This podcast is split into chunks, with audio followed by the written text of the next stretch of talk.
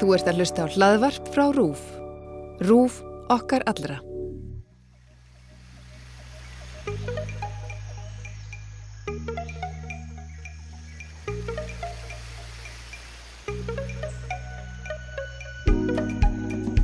Góðan dag kæri hlustandi, þú ert að hlusta á X21 en það er kostninga hlaðvarp RÚF. Ég heiti Guðmundur Pálsson. Og ég er Valgerður Ragnarsson. Þessi þáttur er tekinu upp þegar mánuður er til kostninga og við báðum alla flokka um að senda okkur eitt fulltrúa sem var í nýliði í þeirra frambóði. Og núna er röðin komin að miðflokknum Hún er sest í okkur Fjólarhund Björstóttir sem skipar fyrsta seti á lista þess flokks í Reykjavíkur gjörðdæmi. Suður, verður velkomin til okkar. Takk fyrir.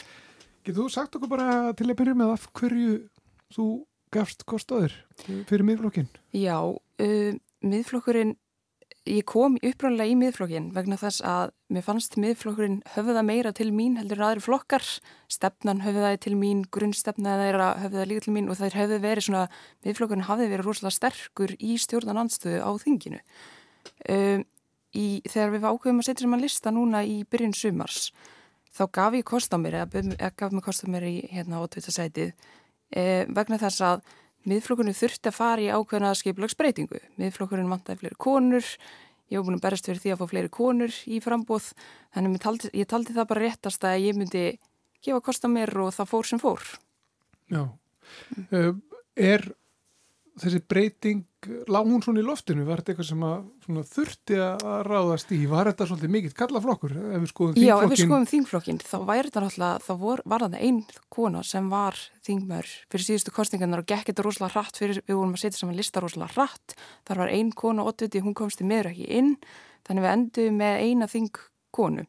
Mm. Það, það hafiði, maður fann það út í samfélaginu, það hafiði verið kallað eftir því að fá fleiri konur, fólk vildi sjá félagsmennur, vildi sjá fleiri konur, Þannig að já, ég myndi segja að þetta hafi svona leiði loftinu að fleiri konur myndu bjóðu sér fram í 8. sæti á listanum og ofarlega í sætum. En við erum líka að sjá í öðrum kjördamum, við erum að fá nýjar flottar konur inn í annað og þriða sæti og ég held að þetta sé bara frábær breyting að sjá allar þessar nýju konur komur á lista hjá okkur. Nú er flokkurinn, sko, nú eru konur í, í 8. sætum í báðum Reykjavík kjördamum. Já. Uh, markmiðið svona breyta um ásýnd heldur að kjósendur svona muni finna það að, að sko þú hefur ekki farið varhluta þegar umræðu að það sé svona kalla stemmingi með floknum mm. að, að svona að þetta sé svona önnur ásýnd. Já, ég hef alveg upplifað það eftir að ég tók sæti á listanum og eins eftir að Vilborg tók sæti í Reykjavík Norður. Fólk tók rosalega vel í þetta og ég held að þetta muni skila sér til kjósenda ekki bara í Reykjavík, heldur líka bara á landsvísu. Við erum líka að sjá rosalega flottar konur í öðrum sætum í til dæmis vesturkjörðumi og suður og norðausturkjörðumi þannig að ég hugsa að þessi ásýnd muni klárlega skilja sér til kjósenda. Ef við tölum að þessum bara málinn og, og kostningamálinn núna, Já. hvernig svona lítur þú á það? Hva, hver eru stóru málinn núna? Um Stór... Um, hvað, um hvað vil fólk kjósa? Ég held, mín tilfengir er svo að fólk vilji kjósa um líf eftir veiruna. Hvernig viljum við, hvernig viljum við sjá samfélagið eftir veiruna?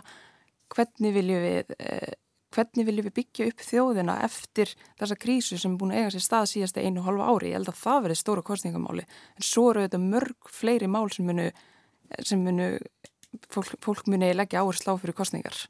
Eru þið með svöru þessu? Hvernig, hvernig byggjum upp eftir, eftir, eftir faraldurinn? Já, við vorum fyrir stuttu og kynntu við eh, algjörlega nýja nálgun í stjórnmálum tíu nýjir réttindi fyrir íslensku þjóðina og inn í þessum réttindum eh, er, sko, er þetta, þetta er svona risastór pakki sem ætlar til þess að byggja upp þjóðina næstu árin og hvernig, hvernig framtíðasinn við sjáum fyrir okkur að við viljum hafa næstu árin. Þetta er inn í þessum tíni í réttundum eru rosalega mörg mál sem ná á heldina og þetta skila sér, ég mun, mun tellja að þetta myndur skila sér meiri pening í veski fyrir fólk, þetta mun skila sér e, eins og til dæmis við erum með heilbreyðskimun fyrir alla, það mun auðvitað skila sér til fólks, við erum að sjá það ef við förum í þessa heilbreyðskimun fyrir alla, það hugsa okkur það að uh, allir þeir sem eru 40 ára myndi fá bóð í almenna skimun og þryggjar á fresti. Þetta mun klárlega skila sér inn í, inn í ríkiskassan til framtíðar. Fólk er þarna að fá greiningar á hættum eða fleira sem er að, sem er að hrjáða fyrr. Það er fyrir, ég myndi talja að fólk fyrir, farir í veikindarleifi og svo framvegis. Þannig að klólega. En þessi eh, lofórðiða réttindi eins og þið kallið þau, Já. þau eru, margt áhugaverð og eh, það er eh, talað um það að, og, og kannski þau, þau lofórð sem að rötuðu í fyrirsagnir, mm -hmm. snýru aðalega því að sko, þessum fjármunum sem að miðflokkurinn talar um að, að færa almenningi uh, verði ríkisjóður reiki með ágangi fái allir fullornir íslenski ríkisborgarar helming ágangsins endugreitan og þetta er fyrst í desember. Nú, og svo tala um öðlindagjald 100.000 krónur og að færa fólki uh, Íslandsbanka uh, hlutabreyfi í honum. Mm -hmm. Svo myndi einhver kannski spurja þetta er fullt af fólki sem að eða með marga miljónur á mánuði er vel efnað af hverju að vera að færa þessum hópi almannafíð? Uh, við lítum á þetta sem svo að uh, að gefa tilbaka er það, sko, við erum búin að standa í þessar krísu síðust að einu og halva ári sem einn stór fjölskylda, við erum búin að vera í þessu saman og við teljum að fólk á skilið að sjá eitthvað koma tilbaka, margir hafa haft orð á því að þeir sjá ekki í hvað peningurinn og í hvað skattfið er að fara. Ef okkur gengur vel, þá eiga allir að fá að njóta þess að þeir verum öll þáttökundur í sam samfélaginu og verum öll að borga til samfélagsins. En er ekki nóg næg verkefni? Ég menna, er ekki nægir innviðir sem þarf að byggja upp og er ekki fullt af skuldur sem þarf að greiða það svo framvegis? Algjörlega, en við erum að tala um... Eh, betri ríkisrækstur fyrir alla, þetta veitir ríkistjórnir ákveði aðfald að, uh, að nota fjármagnið vel uh, en þetta, þetta verður þannig, ef að það verður afgangur þá verður helmingur afgangsins endurgreitur. Það er ekkert vist að þetta mun takast fyrsta árin, þetta gefur fólki vonum að þegar það tekst, þá færa það tilbaka. En við þurfum auðvitað líka að borga upp skuldir og fleira, þannig að það er ekkert, eins og ég segi, það er ekkert vist að vera afgangur fyrsta árið, en ef það verður næsta ár þá veit fólk bara, ok, hérna er ríkistjórn búin að veita, uh, búin að ráðstafa peningunum vel í mál sem talin skipti máli, þau eru ekki búin að vera bröðlega einhver auka verkefni sem er áhuga mál þeirra, heldur er þessi peningur nýttur í það þessi afgangspeningur nýttur í það að greiða tilbaka, en auðvitað mun uh, ríkið halda eftir helmingunum af afgangunum sem getur farið í á, í að safna í ríkiskassan Leðið það er markmiðið að, að greiða tilbaka, mm -hmm. bara læka skatta? Já, við erum líka með það í tilhjónum að uh, læka sérst, álögur og minga báknið eins og til dæmis í, húsnæðis, uh, í húsnæðiskablanum. Þar eru við hérna eignir fyrir alla og þar byggjum við svolítið á húsnæðis, uh, húsnæðistafni miðflóksins að til dæmis þannig eru afnáðum stimpilgjaldar til dæmis en miðflokkurinn hefur svo sem alltaf staði fyrir það og síðasta kjörtumbili og hefur talað fyrir því og síðasta kjörtumbili að lækka skatta, lækka ólugur og þá sem er með minna, minna á milli handana til dæmis. Þetta helst allt í hendur en þetta er sko, þetta, þessi nálgun í stjórnmálum, stjórnmálum er eitthvað sem sjáum fyrir okkur og munum virka allir framtíðar. Þetta er ekki eitthvað sem mun bara eiga sér staðnistu fjögur árin komist miðflokkur ríkis, ríkistjórn, heldur sé eitthvað sem eiga að vera við líði bara næstu árin og mun skapa samfélag þar sem allir hugsa um alla, allir er fjölskylda og allir fá að njóta þess sem kemur inn í kassan. Hvernig finnst þér miðflokkurinn hafa staðið þessi í stjórnarhandstu og hvernig finnst þér stjórnarhandstaðan einhvern veginn hafa, hafa unnið á, á síðasta kjörtjafnbili? Eh, hefur hún náð vopnu sínum, hefur hún náð að starfa saman einhvern veginn eins og stjórnarhandstað gerir stundum sko, stundum sem að það, er svona það er samstígar stjórnaranstæða en, en kannski ekki endilega núna Nei, nefnilega ef við horfum á síðustu fjögur ár þá hefur oft verið talað um stjórnarandstöðu A stjórnarandstöðu B, við erum A rest B, af því að það er stjórnaranstæðan vinnur auðvitað vel saman í einhverju málum en svo auðvitað er það þannig að við erum að tala um hérna hálendistjóðugar orkupakkan og fleiri mál sem að miðflokkurinn hefur staðið einhvern veginn einn ný að berjast á móti á meðan hinn stjórnaranstæðan hefur rosa lítið tekið þátt í þessu en svo eru önnur mál sem að stjórnaranstæðan hefur öll verið samála um. Þannig að þetta er rosalega misend eftir því hvaða mál hafi verið til umræða á þingi hvort, hvort að stjórnarnastan hafi unnið öll vel, vel saman eða í sikkur lægi en, en ekki það að ég sé, ég sé hérna, ég er, ekki, ég er svona smá lutra en ég myndi segja að miðflokkurinn, í smá, en ég myndi segja, ég er rosalega ána með hvernig miðflokkurinn hefur staðið sér á kjörtímbilinu og það er eiginlega bara líka ástæðan fyrir því af hverju ég fór í frambóð.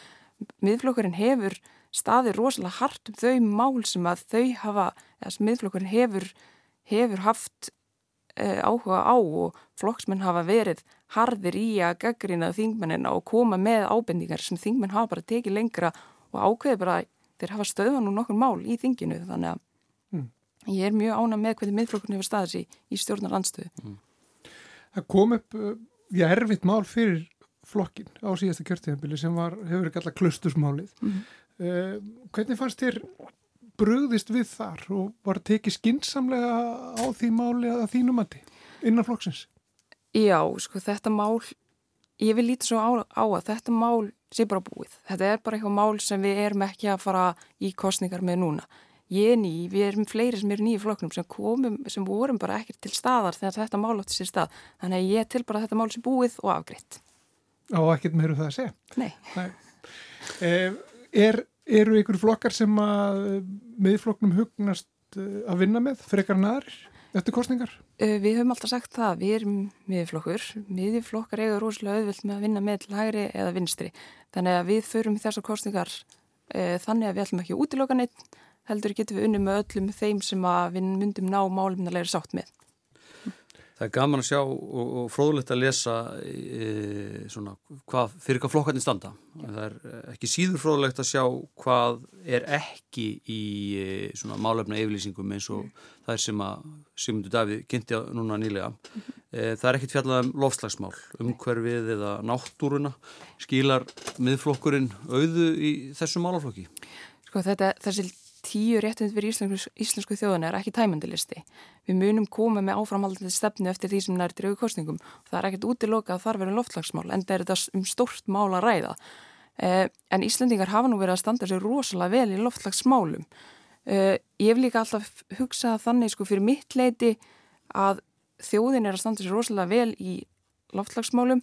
Hvað getur hver og einn gert? Hvað, við þurfum svolítið að vinna með það að ef allir myndi hugsa um loftlagsmála, hugsa um eh, hvað þeir geta gert betur þá væri þetta rosalega auðvelt fyrir íslensku þjóna að standa sér mun betur. Þeir að tala um hvað við getum gert betur, getum við versla meira í heimabegð, getum við minkað innflutninga á vörum og fleira. Þannig en það er ekkert, það er ekkert þessi listi tíu nýjir réttind fyrir íslensku þjóðuna er ekki tæmandi og við meðum búist við að heyra fleiri loftlagsumræður frá miðflögnum þegar að dregur á kostningum enda stórt mál. Þetta er náttúrulega það mál sem að flestir nefna þetta og hilbriðismálinn kannski uh, fyrir þessar kostningar. Já, en ég held líka sko það sem, það sem að ég hef tilfinningu fyrir fyrir kostningarnar, það skiptir óslega miklu máli að fólk hugsar eh, síðasta eitt og halv ári, erum við búin að vera í ákveðinu krísu, við erum búin að skuldsetja okkur, hvernig ætlum við að komast upp úr þeirri krísu? Og það er líka bara svolítið sem ég heyri, hvernig ætlum þið að koma okkur áfram í þessari krísu, hvernig ætlum við að búa með þessari veiru og svo framvis. Mm -hmm. Þannig að það er líka svona stort mál sem maður heyrir.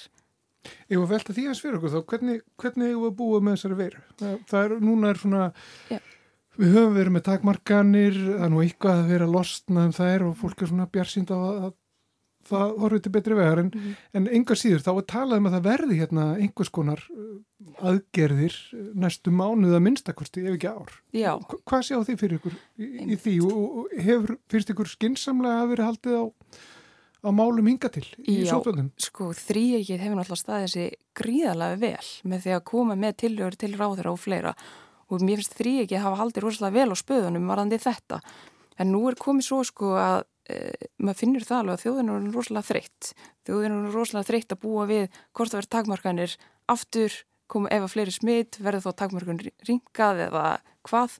Þannig að við sjáum fyrir okkur að hérna, þetta er bara ákveðin veira sem verðum að lifa með og við verðum kannski svona að hugsa eigu að láta veiruna matla eða eigu að láta hana eigu að vera með takmarkanir?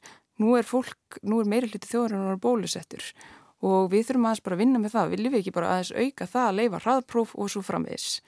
Þannig að Og, og minni takmarkanir á samkomum og hittingi fólks þá. Já, ég sé það fyrir mér að ég vetur verði minni takmark, verði það ringað á sam, verða samkom, samkom, mm. samkomi takmarkanir mingaðar ég sé það fyrir mér að verði svo les í, í vetur. Ef við ræðum aðeins um heilbreyðismálin Já. Það er náttúrulega eitt af stóru kostningamálunum að er virðist. Já. Við heyrum ítrykkað því að staðan á spítalans í slæm, mm -hmm. bygglistar, mannekla og svo framvegis. Mm -hmm. hvaða lausnir á miðflokkurinn á þessu stóra vandamáli?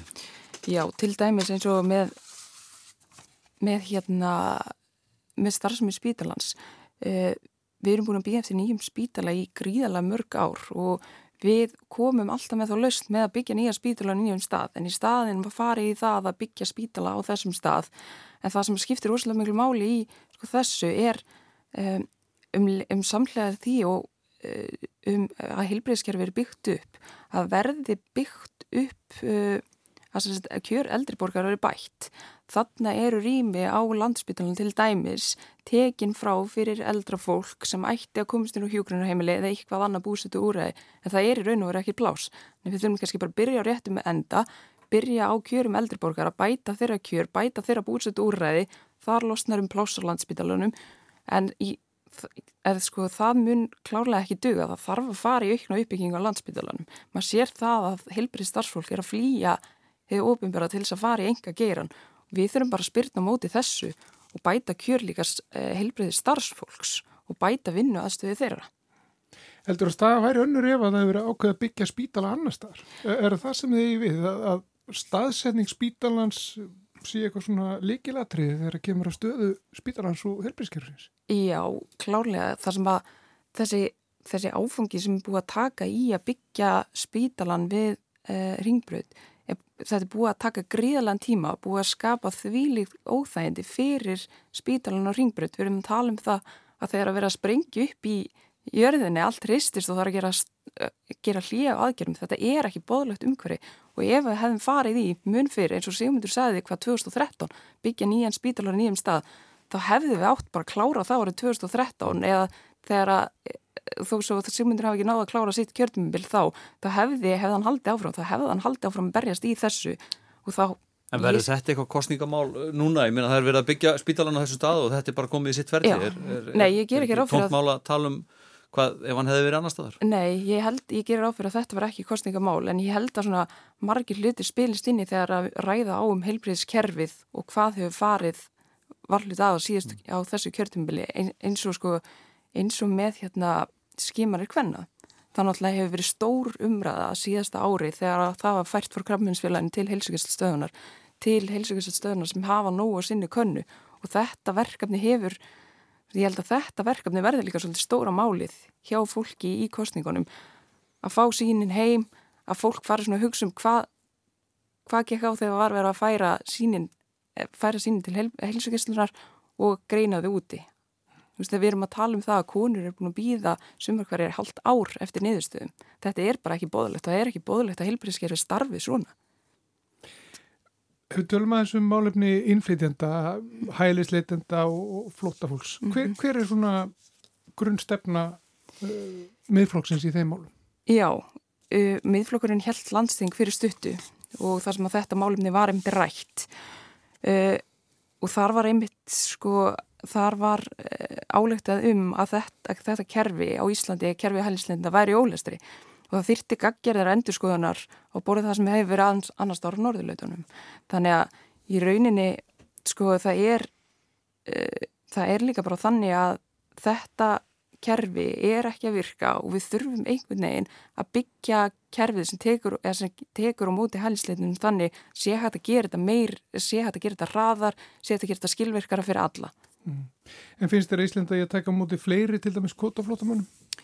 Sko ég held að Íslanda er bara að taka mútið þeim sem, að, uh, sem við getum. Við eigum auðvitað bara að hugsa um líka hvað við getum lagt í þetta. Það er náttúrulega ekkert bóðilegt að taka mútið flótamönnum sem get ekki nýtt sér þjónustu sem við verðum að bjóða þessu fólki upp á. Við verðum að hafa þá þjónustu sem að þetta fólk þarnast þegar það kemur hingað. Er það þannig að eitthvað mati þá að, að þetta gangi ekki upp svona? Nei, þetta gengur ekki upp svona. Við þurfum að hafa skilverkara kerfi. Við höfum eh, á alþingi í vet, eh, hvernig var það í vetur eða síðasta vetur, þá rætti þingflokkurinn til dæmis um 48 tímana fólk, en við þurfum það, við þurfum viðflokkurinn hefur álítið þannig að við þurfum skilverkara kerfi. Það er stuttasvari. Já. Sko skilvirkara kerfi þá mm. að hvaða leiti? Ertu þá að tala um að, að þeir sem að hinga að koma og vilja uh, dvelja hér að þeir fái svar fyrr? Já, svar fyrr. Já. Algjörlega. Í staðan fyrir að vera í einhverju byðstöðu hér, við erum eitthvað skil búin að byggja upp líf, krakkarnir komin á leikskóla og svo leiðis, svo fáum við bara neitun og þurfa þurfa að flýja land. Þetta gengur bara ekki. Þetta er ekki bóðlegt neinum. Eh, kannski bara svona áður við hættum, þú ert ný á lista miðflóksins, eh, kemur, já þú nú starfa með flokknum í svolítinn tíma, Já, en, en hvernig leggst þetta nú allt saman í því og hvernig, hvernig er kostningabaratan, hvernig er þetta allt saman, ertu, ertu svolítið svona, ertu svolítið peppu fyrir þetta? já, ég myndi segja að það er mjög peppuð. Þetta sérstaklega eftir að ég kynntum tíu nýju réttindin e, fyrir íslensku þjóðuna og fekk maður, maður búin að fá rosalega jákvæð viðbröð við þessu, við þessari nýju nálgun. Þannig að ég er mjög spennt fyrir komandi kostningabaratu. Við erum rosalega mörg ný sem erum ofanlega að lista og við erum öll bara rosalega jákvæð fyrir þessu að vinna með þessum reynslu boltum sem eru líka til staðar. Þannig að ég held að þetta verður bara mjög skemmtileg kostningabaratan sem framöndan er. Já, og nú eru frambjöður að flegi ferðum kjördæmin sín, þú getur gert það bara á rammarslöpahjóli þess vegna. Heldur þetta er að lappandi. Lappandi. Eh, Takk fyrir komuna Fjóla Hund Björnsdóttir eh, sem skipar fyrsta seti á lista miðflokksins í Reykjavík kjördæmi Suður. Þú vorst að hlusta á X21, kostningal haðvarp rúf. Við rættum við Fjólur Hund Björstóttur, oddvita miðflokksins í Reykjavík Suður. Nýjir þættir af X21 byrtast reglulega í spilararúf og á helstu hlaðvarpsvitum og það er hægt að gerast áskrifandi með því að smetla á þar til gerðan áskriftar takka sem er oftast mertur subscribe og þannig getur maður svo tættina um leið og er detta inn. En ég heiti Guðmundur Pálsson Og ég er Valgerður Ragnarsson. Takk fyrir að hlusta.